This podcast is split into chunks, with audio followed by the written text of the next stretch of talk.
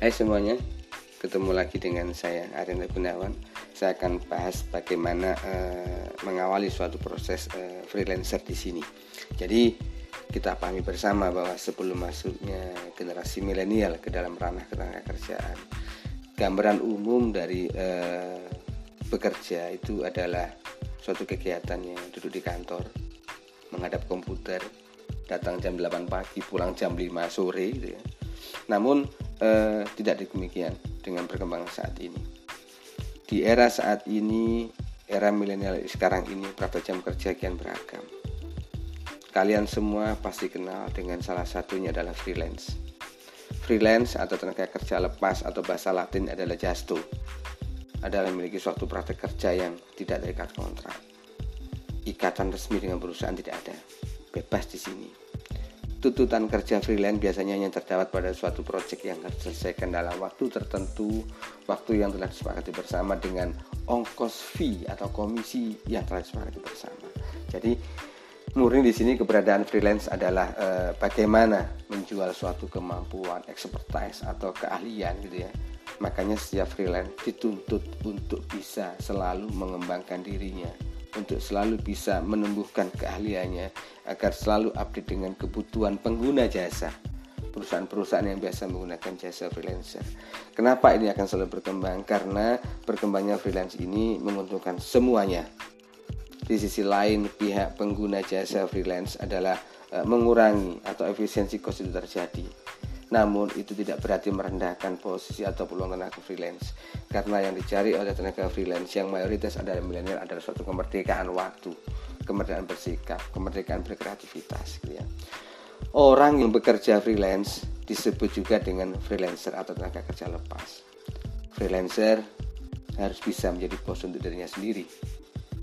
Mereka bebas mengatur waktu dan tempat kerjanya sesuai dengan kebutuhan asalkan proyek yang sudah disepakati dapat diselesaikan sesuai dengan waktu yang disepakati dengan pengguna jasa. Ada dua di sini jenis tenaga freelance yaitu yang perlu kita ketahui bersama. Jadi full time freelancer dan full time dan part time freelancer.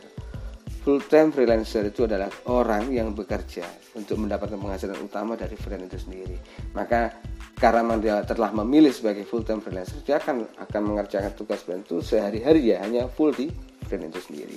Sedangkan yang part time biasanya dianggap sebagai suatu kerjaan sampingan atau uh, di luar dari pekerjaan utama mereka atau kegiatan utama mereka mungkin dikerjakan malam atau uh, tengah malam gitu ya sore hari atau di luar jam kerja mereka.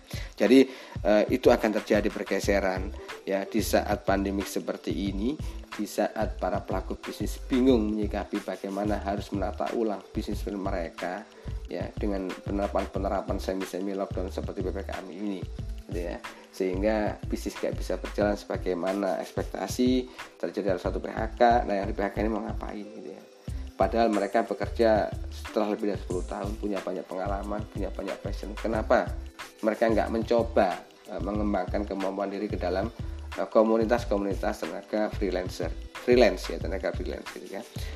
Kerja freelance biasanya dilakukan secara online dikerjakan dari rumah gitu ya. E, tergantung dari pekerjaannya sebetulnya. Dan kesepakatannya bagaimana dengan klien mereka sendiri. Pekerjaan freelance sangat beragam terutama berkaitan dengan bidang-bidang teknologi atau digital. Berikut ini yang saya sampaikan adalah beberapa kerjaan yang bisa di, dikerjakan secara freelance ya.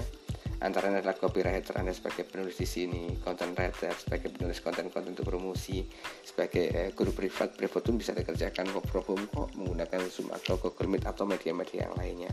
Sebagai desain grafis juga bisa, translator juga bisa, konsultan saya sebagai seorang konsultan bisnis karena saya pribadi saat ini juga tercatat di uh, Atheneum di Global Law di Sudbit Hong Kong juga di GAC Coleman. Jadi eh, saya sebagai konsultan di sana, nama saya ada di sana. Saya menentukan tarif saya per jam berapa gitu ya. Jadi nanti mereka ada klien yang menghubungi saya di sana. Juga yang eh, bisa dikerjakan freelance adalah eh, profesi sebagai IT ya. Uh, informasi teknologi di sini termasuk web developer, application development, programmer, full stack developer, web maintenance dan dan etc lah dan sebagainya ya. Fotografer video juga bisa event-event. Jadi uh, insya Allah nanti ke depan akan berkembang eh, peluang-peluang kerja baru yang bisa dikerjakan oleh freelancer. bukan bukan masalah apa sebenarnya ini hanya tuntutan perkembangan zaman yang akan selalu berubah jadi eh, kita harus mawas diri untuk selalu bisa menyesuaikan di mana kita berada dan bagaimana kita bisa tetap tumbuh kembang dan bermanfaat. Tetap semangat